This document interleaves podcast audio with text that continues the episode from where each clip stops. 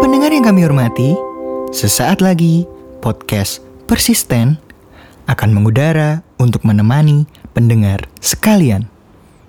Dengan pembahasan mengenai hal-hal di sekitar kami yang sekiranya menarik. Untuk pendengar semuanya, selamat menikmati.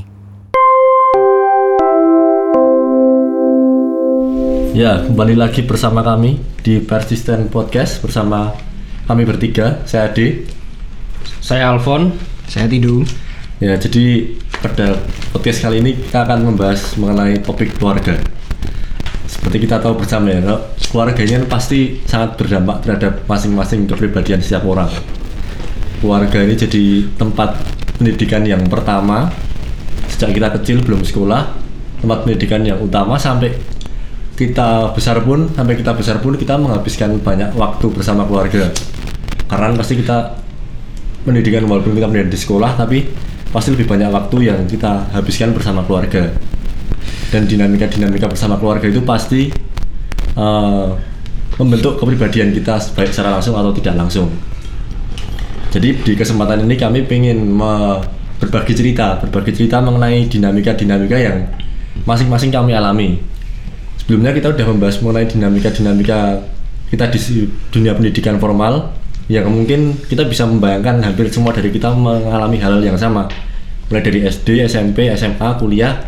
Tapi kalau topik keluarga ini mungkin benar-benar sangat berbeda signifikan di masing-masing individu di masing-masing dari kita maupun mungkin yang teman-teman alami juga kayak gitu ya Pengal- Pengalamannya se- secara empirik sangat personal. sangat personal kalau keluarga. Nah, jadi uh, mungkin di kesempatan ini kita akan berbagi cerita. Semoga buat teman-teman juga bisa menjadi trigger supaya teman-teman bisa apa ya mengingat kembali atau mungkin merefleksikan kejadian-kejadian bersama keluarga yang mungkin bisa sedikit banyak berpengaruh terhadap dirinya. Buat orang tua juga mungkin bisa mendengarkan perspektif kami sebagai seorang anak ya, perspektif kita yang dinamika kita di keluarga sebagai seorang anak. Nah, sebelum kita bincang lebih jauh mengenai keluarga, mungkin lebih baik kalau kita mengenalkan konteks keluarga kita masing-masing nih, karena kan konteks keluarga kita masing-masing sangat berpengaruh nih ke dinamika-dinamika dan kegiatan-kegiatan yang kita alami bersama keluarga. Ya. Ada yang mau mulai dulu nggak nih, kenalin konteks keluarganya masing-masing? Aku mungkin ya. Ya, Boleh. Itu sih. Eh, jadi perkenalkan Autido, aku dari keluarga dengan orang tua yang berbeda agama. Dan itu karena aku menganggap agama adalah tanggung jawab orang tua. Bagaimana kita mempelajari agama itu tanggung jawab orang tua dan perbedaan agama yang orang tua aku miliki itu sangat mempengaruhi ya. Karena kebanyakan dari eh, lingkunganku dari teman-temanku itu agama itu bukan pilihan tapi hal yang diturunkan. Mungkin ada yang di dalam perjalanan benar-benar mengimani itu benar-benar memilih itu tapi ketika pertama kali dikenalkan agama itu adalah em, turunan dari apa yang orang tua percayai. Dan kebetulan eh, keluargaku ini eh, ayahku Islam bapakku Islam ibuku Kristen. Jadi itu sangat mempengaruhi dinamika keluargaku. Di keluargaku ada eh, tiga orang anak. Eh, bapak ibuku punya tiga orang anak aku anak bungsu. Eh, kakak pertamaku perempuan memilih untuk menjadi seorang muslim. Eh, kakakku yang kedua ini perjalanannya lumayan panjang ya dia menemukan eh, pilihan agamanya. Jadi sempat sempat menjadi seorang muslim kemudian sekolah di sekolah Katolik pada akhirnya memilih menjadi seorang Kristen. Nah aku sendiri dalam perjalanannya em, memilih untuk menjadi seorang Kristen itu baru di usia yang eh, sudah cukup dewasa. Jadi aku memi- memilih untuk mempunyai agama itu ya baru satu dua tahun terakhir. Dan bukan berarti keluargaku ini kemudian tidak mengajarkan agama ya Da- jadi di di masa kecilku itu eh, orang tua aku mem- memberitahu bahwa di di Indonesia ini ada lima agama yang eh, secara resmi dianggap oleh pemerintah dan eh, kamu bisa memilih ini bisa memilih itu bisa memilih yang lain dan kalau kamu mau belajar dari ibumu atau belajar dari bapak bapak bisa mengajarkan kalau kamu pengen jadi Islam ibu bisa mengajarkan kalau kamu pengen jadi Kristen nah itu diajarkan ketika aku- kira-kira aku masuk sekolah dasar udah mulai ada obrolan tentang itu jadi orang tua aku bukannya lepas tangan tapi dia benar-benar eh, berusaha bahwa anaknya itu memilih agama sesuai dengan apa yang dipercayai. Nah, background keluargaku sendiri juga cukup berbeda dengan eh, orang tua yang lain mungkin ya. Jadi bapak ibuku ini kemu- kebetulan punya eh, sensitivitas lebih untuk hal-hal yang berkaitan dengan eh, kegiatan-kegiatan sosial yang khususnya yang bersinggungan dengan dunia pendidikan. Jadi eh, ketika teman-teman yang lain bisa menceritakan dengan detail apa profesi yang dimiliki orang tuanya, aku aku dulu cukup sulit untuk mendefinisikan apa yang sebenarnya dikerjakan oleh orang tuaku. Ini juga cukup apa ya? eh, cukup membentukku per- membentuk pribadiku berbeda dengan yang lain gitu Hmm. eh, ada rasa minder juga ketika orang lain tuh bisa oh bapakku polisi bapakku eh, guru bapakku ini aku cukup sulit untuk mendefinisikan apa pekerjaan orang tuaku terus eh, jadi dan perbedaan agama yang dimiliki oleh eh, bapak dan ibuku itu ternyata mempengaruhi eh, kesepakatan-kesepakatan yang ada di dalam keluarga. Seperti agama aja kita di- diberi kebebasan untuk memilih apa yang kita percayai dan begitu pula dengan banyak hal yang lain. Jadi bisa dibilang keluarga aku ini sangat liberal. Jadi anaknya itu punya eh, ruang yang lebih leluasa diberi kebebasan untuk memilih hal-hal yang eh, aku suka dan aku tertarik aku- minat-minatku tuh sangat dibebaskan jadi eh, latar belakangnya kira-kira seperti itu Hmm. keluargaku Jadi kalau teman-teman pendengar ini mau tahu sebenarnya orang tuanya ini latar belakang pekerjaannya apa itu jadi apa itu tuh pekerjaannya? Kalau yang selama ini dijalani jadi kalau orang-orang mau tahu jadi latar belakangnya seperti apa itu? kalau bapakku mungkin di masa aku kecil meskipun bapakku nggak suka ya dengan label seperti ini tapi bisa dibilang bapakku LSM Hmm. eh, ibuku penggiat pendidik pendidikan karena ibuku adalah eh, salah satu found bukan salah satu ibuku founder Sanggarana Alam yang sekarang sudah tumbuh menjadi eh, salah satu pendidikan Alternatif. alternatif eh, udah sampai SMA jadi leb- aku sekarang udah bisa bilang kalau bapak dan ibuku adalah orang yang seorang penggiat pendidikan tapi di masa kecil untuk memahami itu eh, cukup sulit sebenarnya buatku Oke. Lumayan unik latar belakang dari keluarganya Tido. Hmm. Kalau Alfon gimana latar belakang keluarganya Alfon? Adik Atau saya. aku dulu? Oh ya, adik dulu aja. Oke, boleh. Jadi latar belakang keluarga saya ini jarang saya ceritakan juga sih sama teman-teman. Soalnya belum belum diperlukan buat cerita waktu itu. Karena ada podcast jadi saya cerita. Jadi pertama eh, saya keluarga dari etnis Tionghoa. Eh, ibu saya kedua nenek dan kakek saya dari ibu sa- saya itu dari Tiongkok terus ke Indonesia terus punya anak ibu saya. Nah kalau ayah saya itu kakek dari ayah saya itu dari Tiongkok tapi dia menikah dengan ibu seorang Jawa jadi bapak saya itu campuran Cina dan Jawa tapi ibu saya itu Cina gitu jadi saya campuran kayak gitu. Jadi dari situ saya juga me- ini jadi tahu apa ya kurang lebih kehidupan yang dialami eh, paradigma seperti apa yang dimiliki orang-orang yang eh, Tionghoa banget itu kayak gimana orang-orang yang orang Jawa itu mikirnya kayak gimana. Kurang lebih aku jadi bisa melihat itulah. Jadi secara budaya juga keluargaku eh, mau mengikuti buat kedua-duanya itu nggak kayak yang sangat ekstrim di salah satu pihak itu nggak. Karena mem- memang mungkin karena faktor itu yang pertama mengenai etis itu terus eh, orang tua saya itu dari dulu bekerja sebagai wira swasta. Jadi punya usaha gitu ya skalanya masih mikro. Eh, tapi sekarang ya sampai sekarang masih berjalan usaha mikro. Eh, terus habis itu saya anak ketiga dari empat bersaudara. Jadi saya punya dua kakak dan satu adik.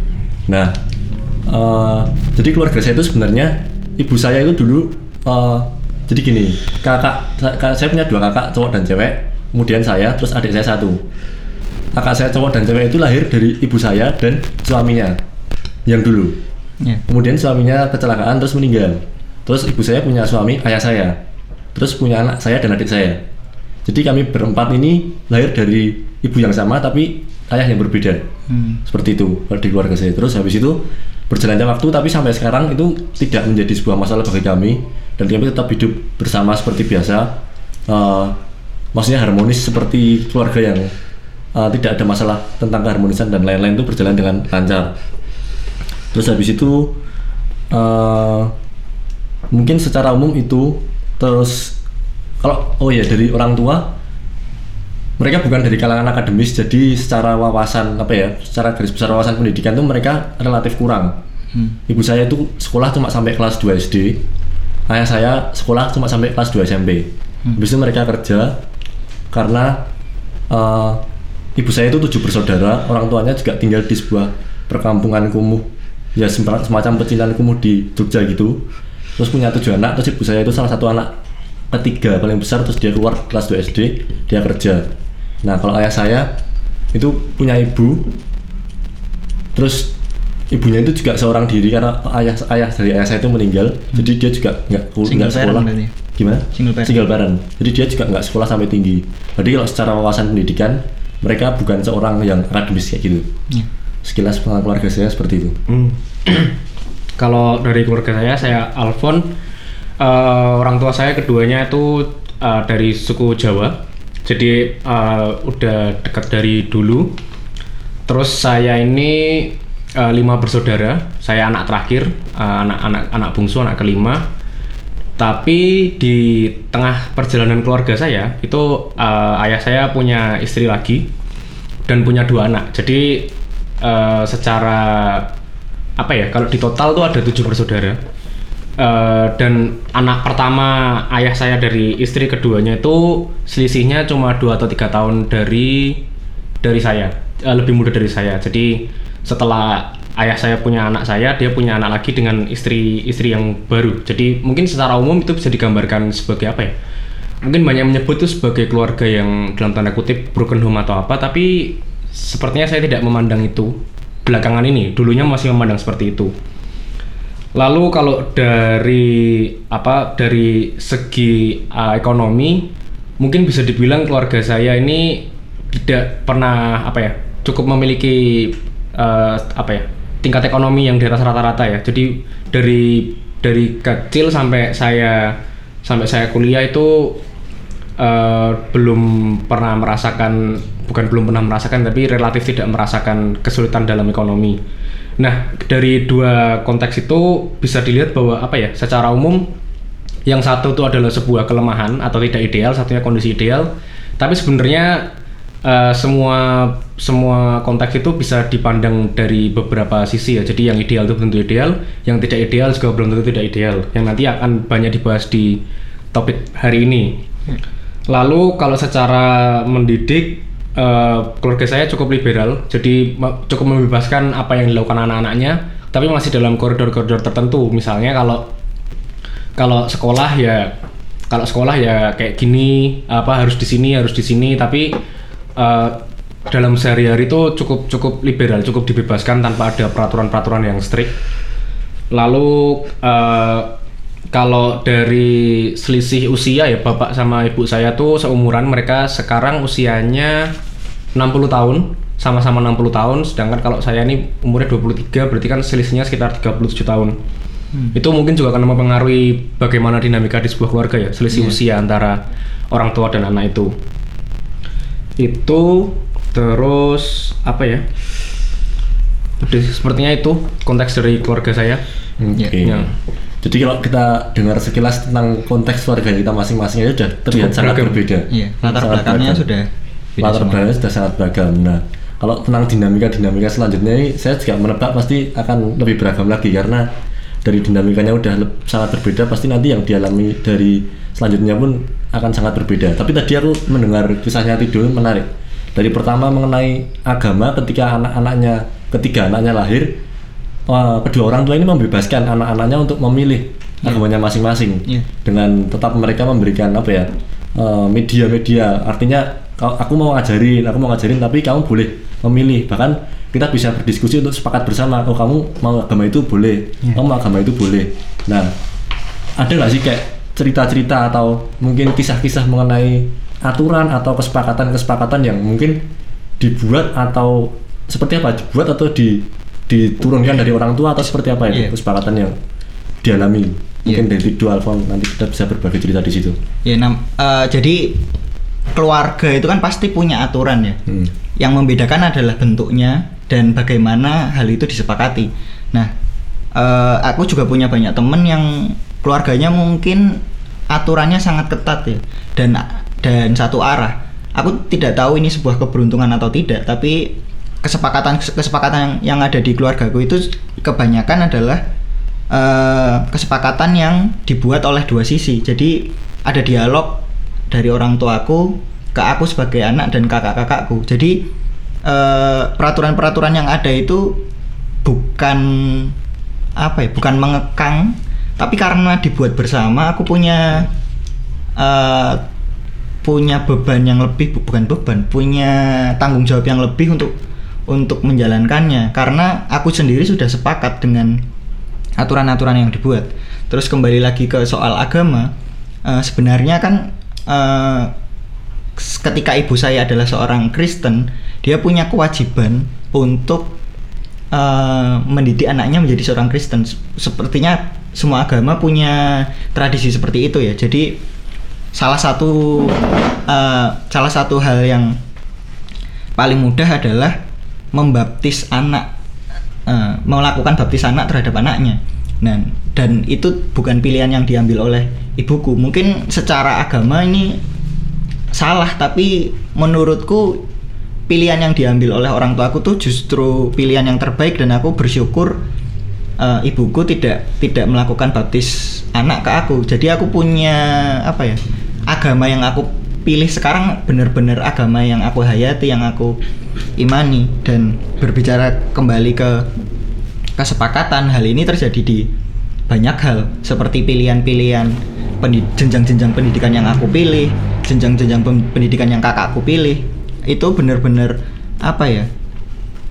Benar-benar berdasarkan minat yang disukai oleh eh, anak-anak dari kedua orang tuaku. Nah, ini mungkin konteksnya aku bercerita seperti ini karena banyak dari eh, teman-teman mungkin mengidamkan keluarga yang seperti ini ya.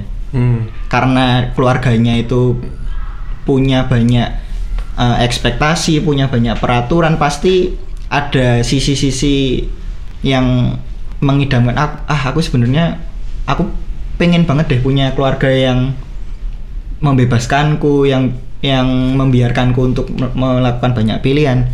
Nah, anehnya eh, situasi situasi seperti ini tuh selalu apa ya? Seperti kata pepatah tuh rumput tetangga tuh emang rasanya Hijau. selalu lebih hijau gitu. Aku yang aku yang punya keluargaku yang sistemnya sebebas itu justru membuatku sebenarnya tertekan. Secara tidak langsung ya secara tidak sadar. Ini juga hal-hal yang aku sadari di usia usia usiaku baru-baru ini gitu. Aku cukup apa ya bahasanya? Mungkin aku mengalami disorientasi karena orang tua aku ini memberikanku banyak sekali pilihan. Beda dengan orang tua orang tua lain yang dari sejak dini tuh udah mendesain anaknya untuk Hmm. eh, menjadi sesuatu. Misal anak dokter kalau bisa anakku ya jadi dokter. Anak seorang ahli hukum ya kalau bisa dia meneruskanku. Punya Usaha. usaha toko kalau bisa nerusin tokoku. Itu kan anaknya memang dibatasi tapi secara orientasi dia jelas kan arahnya mau ke mana gitu nah aku sendiri punya problem sendiri. Ketika keluargaku ini benar-benar membebaskanku di tengah perjalanan aku sering sekali mengalami kebingungan. Misalnya dari SMP aku waktu itu pengen sekolah di aku kan suka musik. Aku pengen fokus masuk ke sekolah menengah musik. Nah ketika aku tanya pendapat orang tuaku mereka bilang ya sesuai minatmu aja. Kamu boleh pilih SMA formal yang biasa kamu boleh pilih sekolah musik. Dan apa ya kebebasan seperti itu membuatku justru ragu-ragu untuk benar-benar ngambil pilihan di sekolah musik karena aku nggak tahu apa ya namanya. Eh, ketika aku berani mengambil pilihan itu resikonya apa itu tidak tergambarkan dengan baik. Beda dengan orang tua yang punya banyak sekali larangan gitu. Ketika mereka melarang kan pasti mereka me- membe- memberitahu alasannya memberitahu "Ah, kamu kalau jadi musisi nanti pekerjaanmu susah loh ininya susah loh. Resikonya tuh dijelaskan dengan baik gitu. Di keluargaku karena kebebasan yang dianut eh, hal-hal seperti itu tuh aku nggak tahu. Jadi sekarang jujur aja bahkan aku mau kerja apa setelah ini aku mau melakukan apa itu masih sangat abu-abu. Aku mengalami disorientasi. Jadi untuk teman-teman yang mungkin minder dengan kondisi keluarga yang lain minder dengan oh kok keluargaku ketat banget? Oh kok keluargaku bebas banget? Percayalah bahwa masing-masing keluarga tuh punya struggle-nya masing-masing. Kita punya eh, permasalahannya sendiri-sendiri gitu. Jadi sebenarnya lebih baik daripada kita membuang energi untuk eh, melihat keluarga lain melihat kondisi teman yang lain. Lebih baik kita memikirkan apa ya yang bisa kita lakukan apa ya yang untuk menutupi kekurangan ini tuh aku harus melakukan apa. Dan itu yang se- sekarang masih aku cari sih sebenarnya. Hmm. kalau dari keluarga aku mungkin seperti itu yang mempengaruhi diriku sekarang ini. Oke, jadi eh, benar-benar dibebasin anaknya mau ke, ke minat apa aja pun boleh Iya. dan masing semua anak diperlakukan seperti itu. Iya. Nah, tapi kalau tentang kesepakatan ini tuh, misalnya karena ada tiga anak nih, Iya. kesepakatan aturan atau kesepakatan atau aturan disebutnya yang berlaku di ketiga anak ini apakah sama atau berbeda-beda tergantung tergantung apa ya maksudnya karakteristik masing-masing anak atau dibuat sama semua cuma pendekatannya kesepakatan sebenarnya tidak ada aturan yang disepakati secara sangat tertulis atau sangat formal gitu. Jadi kayak apa ya? Kayak aturan tidak tertulis yang kita sama-sama paham gitu. Tapi sebenarnya 11 12. Intinya adalah sebisa mungkin aku terbuka dengan keluargaku. Ada maksudnya kejujuran ya di sini konteksnya. Kemudian aku tidak melakukan hal-hal yang melukaiku melakukan hal misalnya pakai narkoba bla bla bla tapi untuk eh, misal jam malam terus bahkan aku merokok pun eh, bilang ke orang tua aku mulai merokok gitu. Dan ketika ibuku bilang ya kamu ketika kamu merokok kamu akan punya apa namanya konsekuensi kan konsekuensi tersendiri ya. Kamu mungkin kesehatanmu seperti ini mungkin eh, kamu harus oh ketika kamu merokok oh kamu harus mengimbangi dengan olahraga bla bla bla itu dibicarakan dengan baik tidak tidak dengan oh nggak boleh. Jadi ada ada dialog di situ. Dan ada hal-hal yang kemudian misalnya eh, kakakku yang kedua itu beda sama aku. Aku dari SM apa dari kuliah awal udah mulai merokok. Dia mungkin baru-baru ini mulai merokok. Jadi ada ketika aku memilih untuk merokok kan berarti ada hal-hal yang aku sepakat hal-hal lain yang, yang aku sepakati. Oh berarti aku harus olahraga harus ini ini. jadi perbedaannya tuh tergantung dengan pilihan-pilihan yang aku ambil gitu. Tapi secara secara umum hal-hal yang disepakati itu sebenarnya sama ya kejujuran tidak melukai diri sendiri tidak tidak merugikan orang lain. Dan yang terakhir pilihan itu ada dasarnya adalah benar-benar yang aku sukai yang yang ya kalau bisa kamu jujur sama dirimu sendiri apa yang sebenarnya pengen kamu lakukan gitu. Oke, bagus sih kalau menurutku menarik karena semua disepakati berdasarkan dialog-dialog dan orang tua menjelaskan eh, konsekuensi dari setiap apa Iya. ya pilihan-pilihan yang mungkin diambil. Menurutku ada sisi positif positifnya dibandingkan pendekatan yang cenderung apa ya satu arah, kemudian anak cenderung tidak punya ruang untuk istilahnya bertanya atau berargumen berargumen mempertanyakan penyebab dan lain-lain. Kalau Iya. pendekatannya dialog mungkin kalau dari sudut pandangku cukup cukup ideal lah menurutku untuk hal kesepakatan ini. Sebenarnya kalau yang ada di keluargaku nih tuh, Iya. yang ada di keluargaku sama keluargaku sangat membebaskanku dalam memilih banyak hal dalam sekolah maupun hal-hal yang di luar akademis mereka sangat membebaskanku Eh, tapi mungkin perbedaannya ada di ini alasannya alasan mengapa alasan mengapa orang tua aku membebaskanku dan alasan mengapa orang tuanya Tido membe- membebaskan Tido Iya. kalau alasan orang tuanya membebaskan Tido menurutku karena orang tuanya Tido itu benar-benar punya pemahaman yang kuat bahwa anak itu harus diperlakukan personal. Jadi setiap anak itu berbeda mereka punya minat masing-masing dan mereka punya dasar-dasar apa ya dasar-dasar pemikiran yang lebih kuat lah dibanding orang tuaku. Kalau orang tuaku itu sebetulnya kan karena mereka nggak punya apa basic pemahaman yang kuat tapi mereka eh, punya pemikiran positif terhadap anaknya. Jadi menurutku kelebihan eh, bukan kelebihan ya kayak nilai positif dari orang tuaku adalah itu. Mereka cukup positif thinking terhadap anaknya jadi mereka membiarkan anaknya untuk memilih masing-masing eh, pilihan-pilihannya. Jadi ada kepercayaan ada dari kepercayaan. orang tua ke Hmm, anak. dari orang tua ke anak. Nah itu. Itu menurutku poin penting juga. Misalnya kayak waktu SMA bisa milih jurusan IPA IPS bahasa. Waktu punya kesempatan itu saya cenderung milih ke IPS tapi ketika saya tanya orang tua saya eh, istilahnya meminta saran Hmm. aku punya ini nih opsi buat IPA IPS atau bahasa. Iya. menurut menurut papa mama gimana Iya. nah, mereka jawabnya cuma eh, jujur aja ka- kami nggak tahu Eh, dia ngomongnya tapi dengan bahasa yang non formal Iya. jujur aja kita nggak tahu eh, kalau IPA itu gimana kalau IPS itu gimana kalau bahasa itu gimana Iya. terserah kamu kamu mau milihnya yang mana kalau misalnya kamu punya dia tahu kalau aku deket dengan beberapa guru Iya. kamu coba minta saran atau apa kamu punya pilihan apa terserah kamu jadi eh, tindakan yang sama tetapi dengan alasan yang berbeda Iya. nah itu menurutku sebagai seorang anak tuh apa ya apa yang diperbuat oleh orang tua itu nggak semata-mata kita menilai apa yang mereka perbuat tapi kita juga kadang perlu berpikir lebih jauh mengapa kok mereka kayak gitu? Karena itu tindak lanjutnya bakal bakal agak berbeda. Iya. itu sih kalau dari orang tua aku terus kalau di kegiatan sehari-hari mereka juga sangat membebaskan gue artinya nggak nggak pernah bahkan kita nggak pernah punya kesepakatan yang kita bicarakan bersama.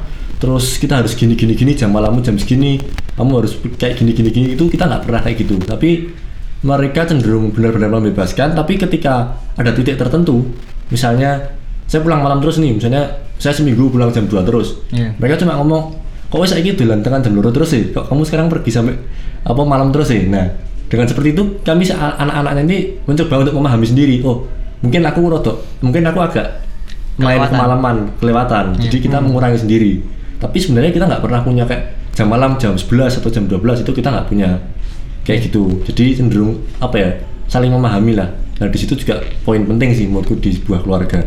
Ya, itu menurutku juga menarik karena yang dilakukan orang tuanya Ade bukan kemudian apa menyerang ya, bukan bukan bukan pilihan dari pilihan pilihan katanya kan bukan hal-hal yang ofensif, on ofensif. Bahkan bahkan orang tuamu ketika ketika kamu mengambil pilihan itu masih punya kesadaran untuk bertanya. Hmm. Itu kan sebenarnya ya?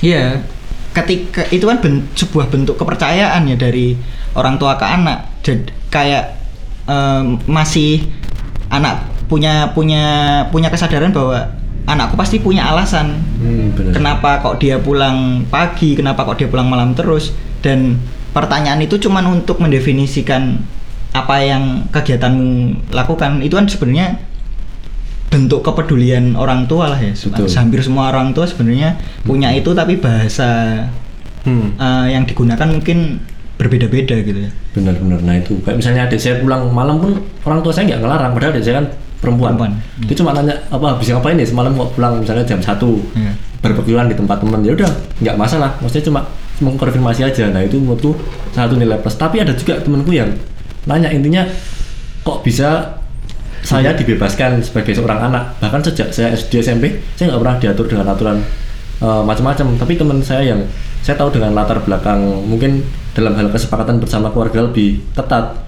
Dia tanya kok bisa seperti itu? Kayak gimana? Maksudnya dia aku pengen dengan kehidupan yang seperti itu. Iya. seperti itu sebenarnya mungkin eh, dari segi anak mungkin ya anak itu punya sisi kita pengen menuntut orang tua kita menjadi seperti apa yang kita inginkan. Iya. Hmm. tapi kan itu nggak mungkin sepenuhnya bisa Berhasil. ter- eh, terrealisasi juga.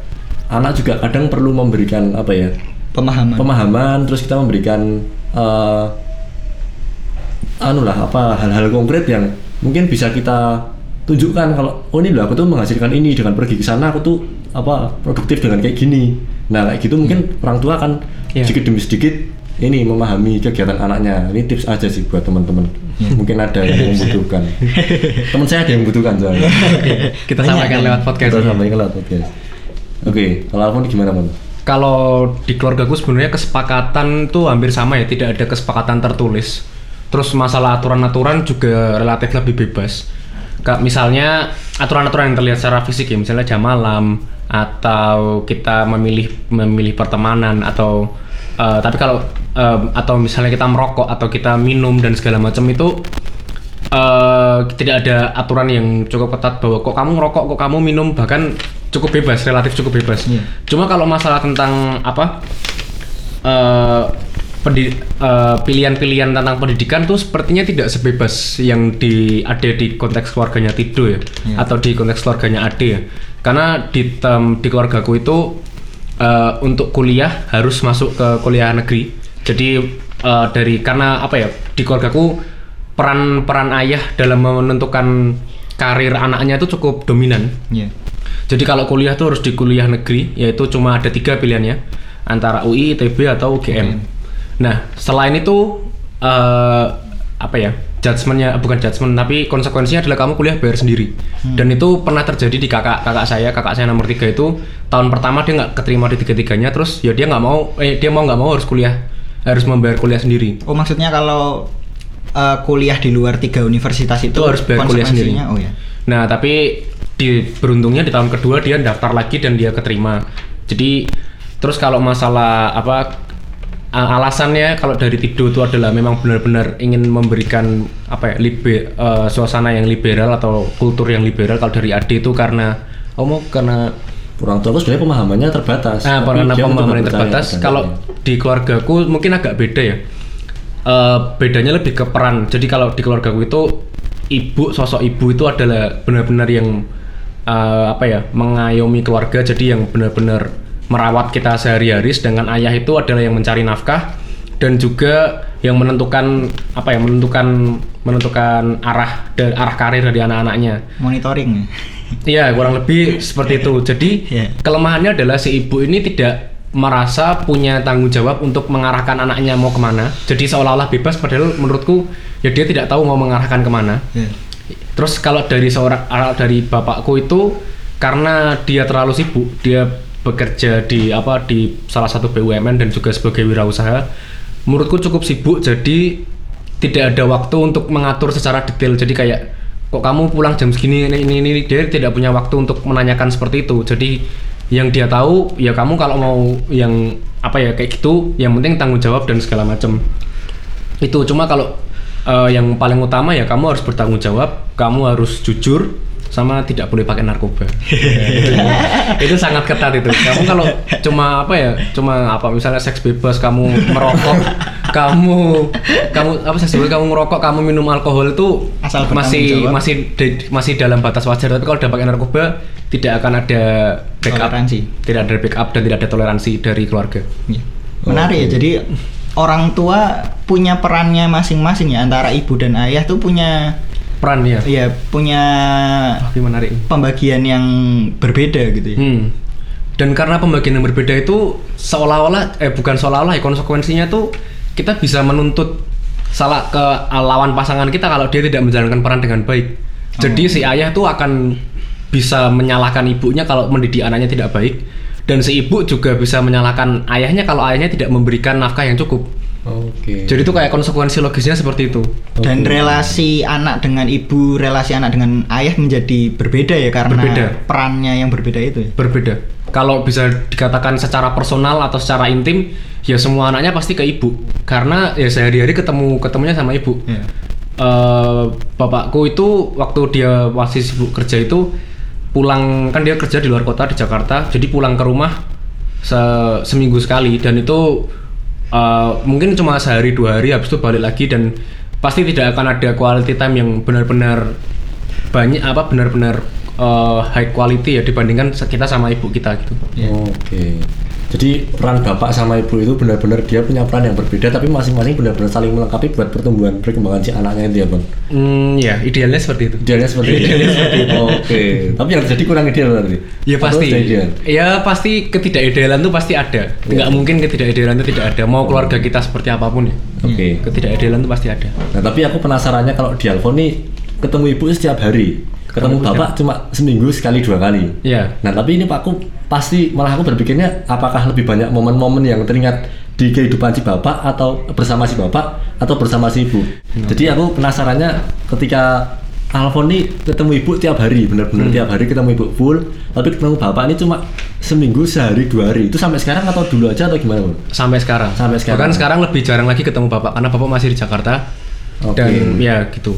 Nah itu ada nggak momen-momen yang teringat lebih banyak ke ibu apa ke bapak walaupun Nah. ketemu ibu tiap hari kayak, kayak gimana tuh? Jadi kalau masalah momen ya, kalau masalah momen-momen eh, pasti pasti sama ibu karena bahkan sampai sekarang dari saya kecil sampai sekarang tuh saya selalu makan siang sama ibu. Hampir setiap hari tuh makan siang sama ibu.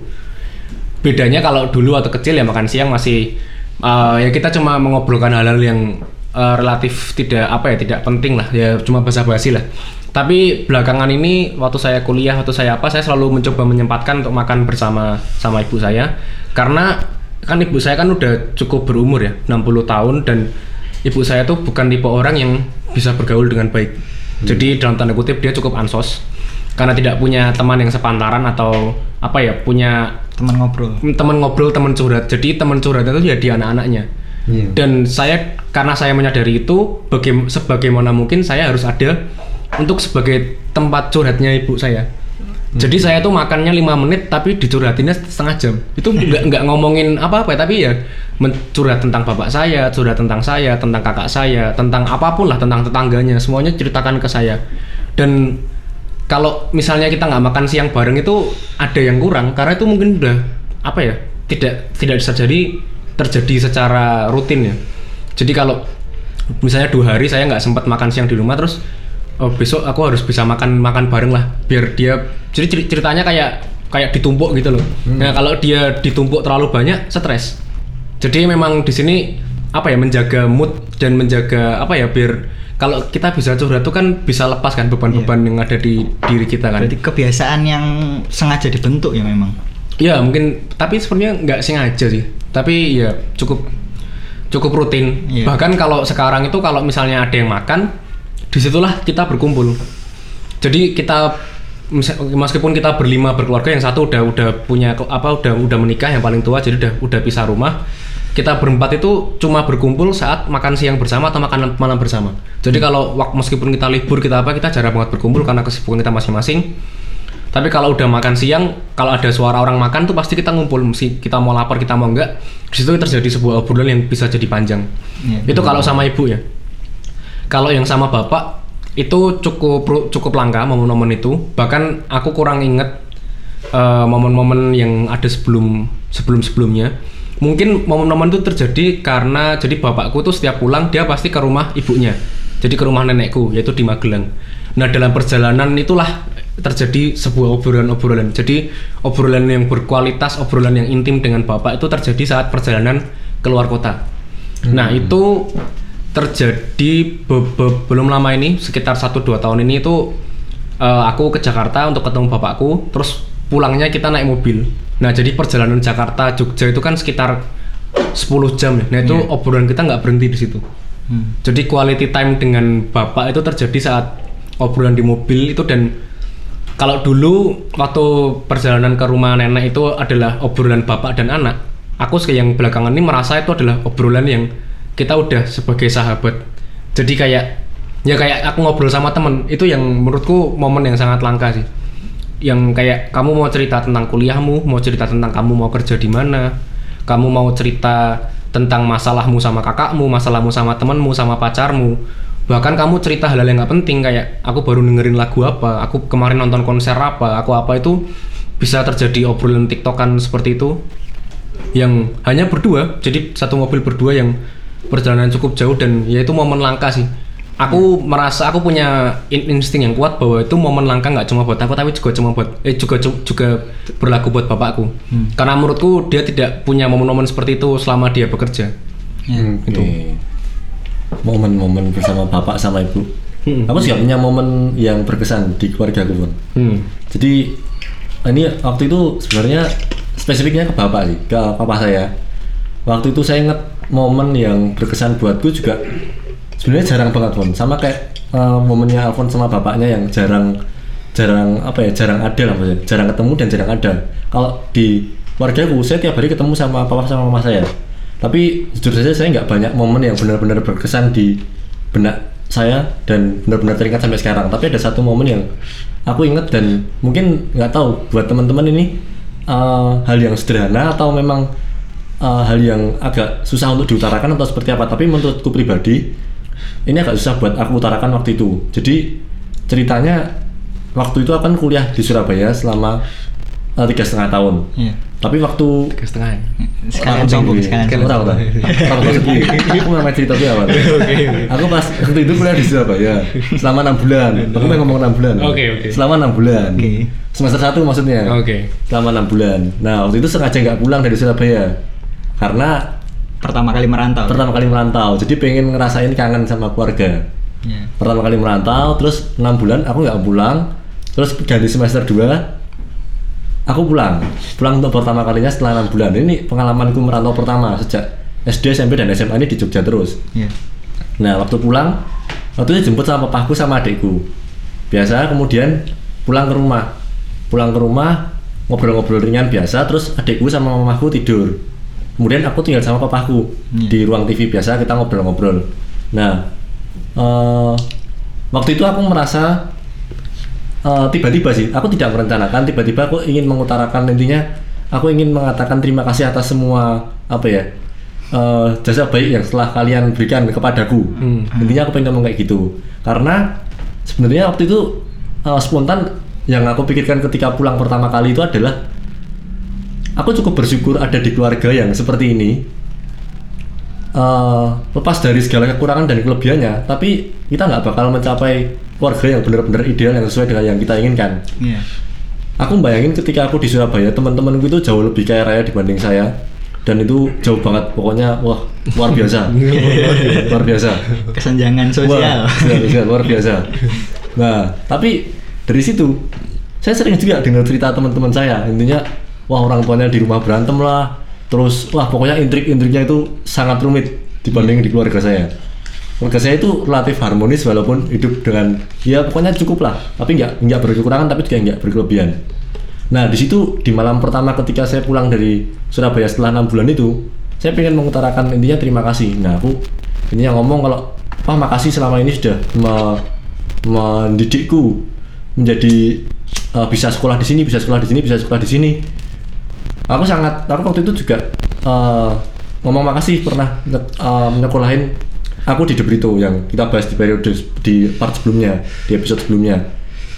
Aku mau wah kalau misalnya aku nggak sekolah di Debrito mungkin aku juga nggak bakal bisa ngomong kayak gini nggak bakal apa ya terpikir buat ngomong kayak gini. Tapi lepas dari Debrito itu berjasa me- memberikan nilai-nilai kepadaku tapi aku menyadari bahwa keluarga itu adalah tempat pertama di mana nilai-nilai itu mulai ditanamkan. Hmm. aku bisa sekolah di Debrito juga karena keluarga. Nah di situ aku ngomong makasih sama papa sama papaku. Dan ya aku cukup berkaca-kaca sih waktu itu. Soalnya mau ngomong juga agak ragu-ragu gitu awalnya. Mikirnya agak lama mau ngomong. Bener.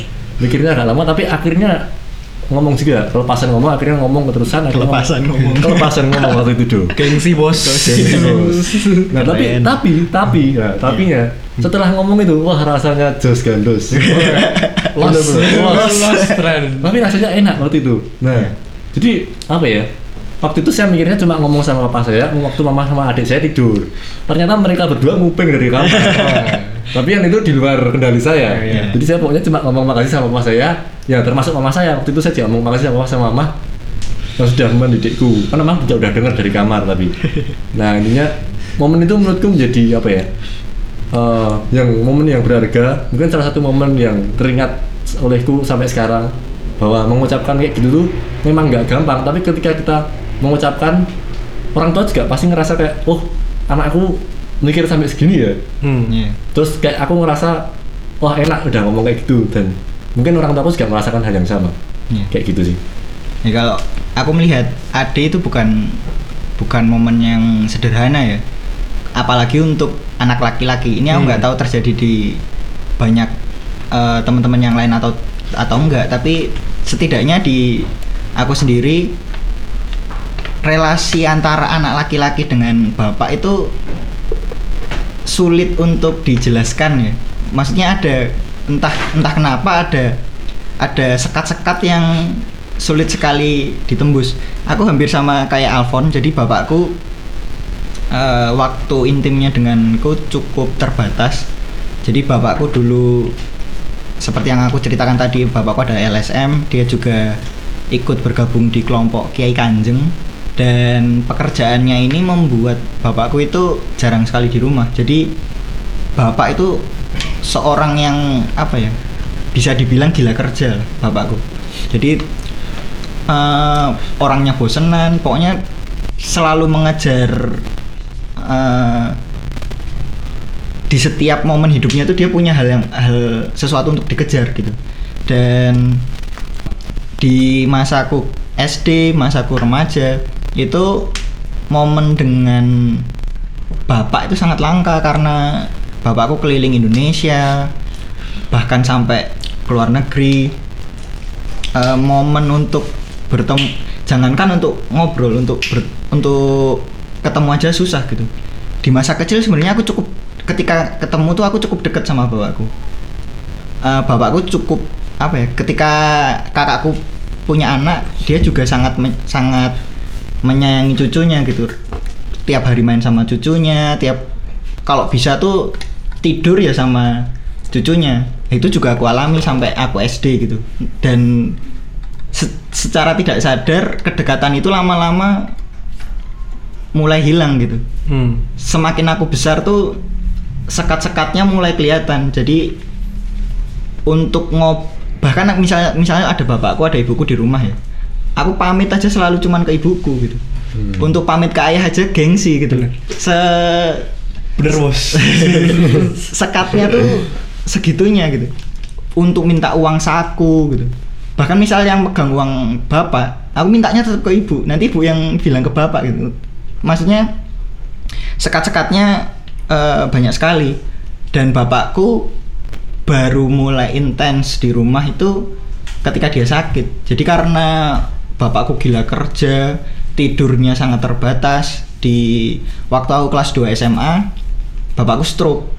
Dan itu jadi titik balik keluargaku lah. Jadi sebelumnya tuh sebenarnya keluargaku kurang intim ya hubungannya. Karena masing-masing punya kesibukan sendiri-sendiri. Nah begitu bapakku sakit eh keluargaku langsung punya banyak quality time untuk berkumpul gitu.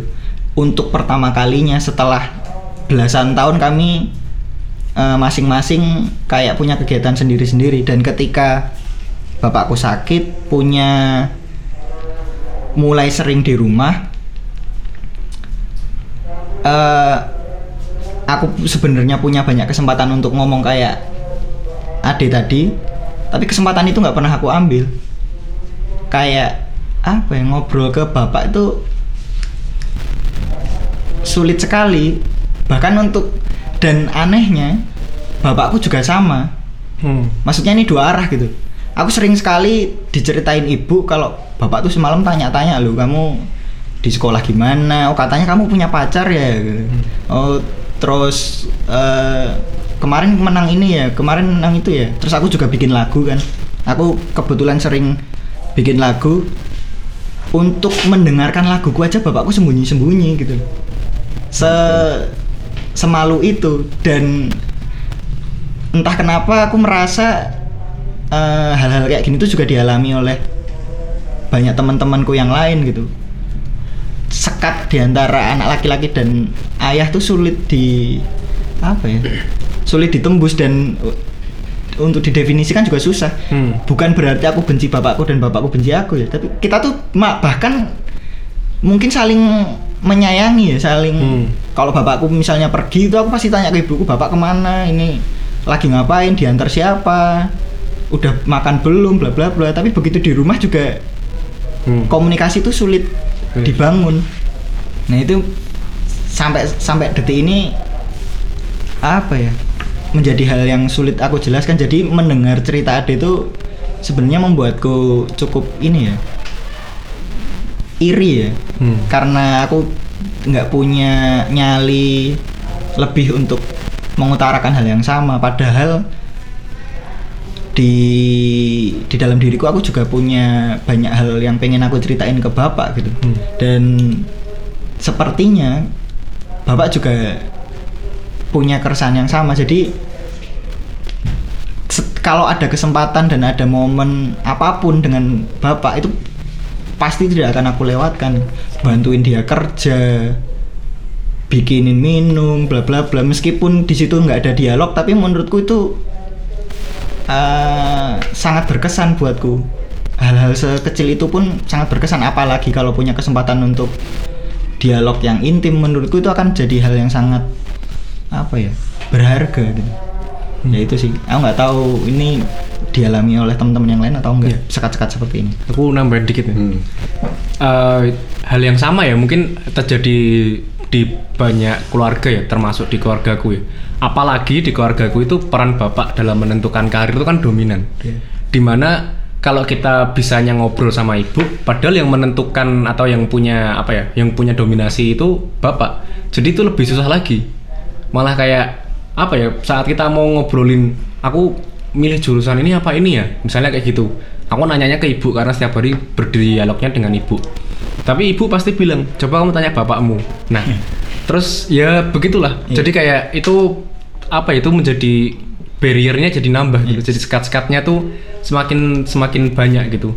Terus eh, satu lagi nih momen yang mungkin kelewat ya. Ini mungkin cukup unik cukup Oke. unik jadi ada satu titik balik kalau tadi si Tido tadi adalah saat apa bapaknya itu Sakit. sakit, lalu jadi- menjadi sebuah intim di keluargaku juga ada satu titik balik di mana saat jadi bapakku kan seperti yang aku ceritakan tadi dalam konteks itu punya istri kedua Iya. nah saat aku kelas 2 SMA entah apa yang terjadi entah ya ini adalah sebuah garis tangan atau apa istrinya meninggal Nah, setelah men- istrinya meninggal itu padahal dia meninggalkan dua orang anak, dua orang anak. Nah, di situlah dengan tabah dengan penuh apa ya, dengan bulat hati, buku bilang anaknya aku yang mau anaknya bawa ke Jogja, aku yang rawat, gitu. Nah, di situlah titik di mana setelah titik itu keluargaku jadi sangat sangat intim secara utuh gitu. Jadi jadi kita ber jadi yang tadinya lima bersaudara jadi jadi tujuh bersaudara. Terus frekuensi bapak untuk pulang ke rumah tuh lebih sering. Waktu-waktu momen-momen bersama kita liburan bersama dan segala macam tuh baru terjadi setelah itu. Jadi kayak ada momen-momen yang benar-benar menjadi titik balik yang entah itu tidak apa ya itu terprediksi apa enggak atau mungkin itu ada di pikiran liar kita misalnya kita mikir oh coba nih kalau nggak ada dia kita nggak akan seperti ini terus tiba-tiba beneran nggak ada nah gitu terus ya beneran terjadi atau mungkin ada momen-momen unik atau momen-momen yang ekstrim lain yang eh, perlu apa ya nggak perlu kita alami supaya ada titik balik itu Iya. yang pengen aku sampaikan sebisa mungkin karena ini aku belajar dari pengalamanku apakah kita tidak bisa melakukan sebuah tindakan yang itu menjadi titik balik tanpa ada sebuah momen-momen yang misalnya bapak kita sakit Iya. atau ada seseorang yang meninggal atau apa itu kan itu kan kayak benar-benar apakah harus ada seperti itu dulu baru kita ada mau ada titik baliknya? Iya. itu yang pelajaran berharga yang aku petik nih. Sebenarnya permasalahannya di ego ya. Eh, bukan berarti ketika bapak misalnya bapakku yang pada akhirnya memutuskan menurunkan egonya terus ngajak aku ngobrol bla bla bla.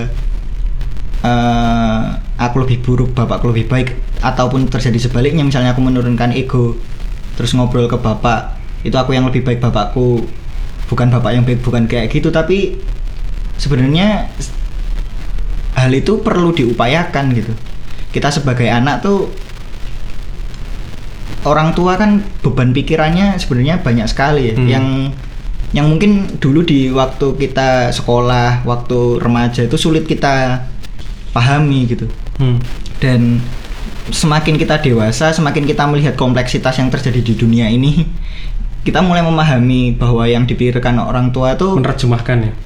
sebenarnya sangat kompleks gitu. Hmm. dan hal yang bisa kita bantu adalah ya kita yang menurutku harusnya dari anak yang menurunkan ego untuk eh, memulai memperbaiki relasi dengan orang tuanya. Dan menurutku yang dipilih Ade tadi sebenarnya hal yang ideal hal yang bijak untuk dilakukan. Tapi Susah. se- secara secara logika memang harusnya kayak gitu secara teori ya gitu tapi prakteknya eh, entah kenapa susah sekali bahkan lebih susah daripada kita nembak cewek yang beda ya. beda ya maksud maksudku eh, bahkan kan kalau sama cewek kan kita ditolak mungkin kita relasinya hancur bla bla bla misalnya aku menurunkan egoku dan ngobrol dengan bapak kan nggak mungkin relasiku dengan bapakku terus terputus gitu kan tapi meskipun resikonya jauh lebih kecil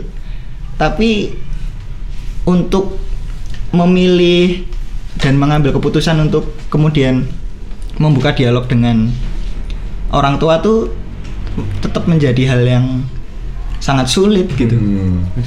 Nah, tapi ada satu poin yang tadi berarti masih menarik ini. Iya. Ada ada ada ada ada kesamaannya ketika kita ngomong kita sama-sama sulit, sulit untuk menyampaikan misalnya hal semacam itu ke orang tua kita.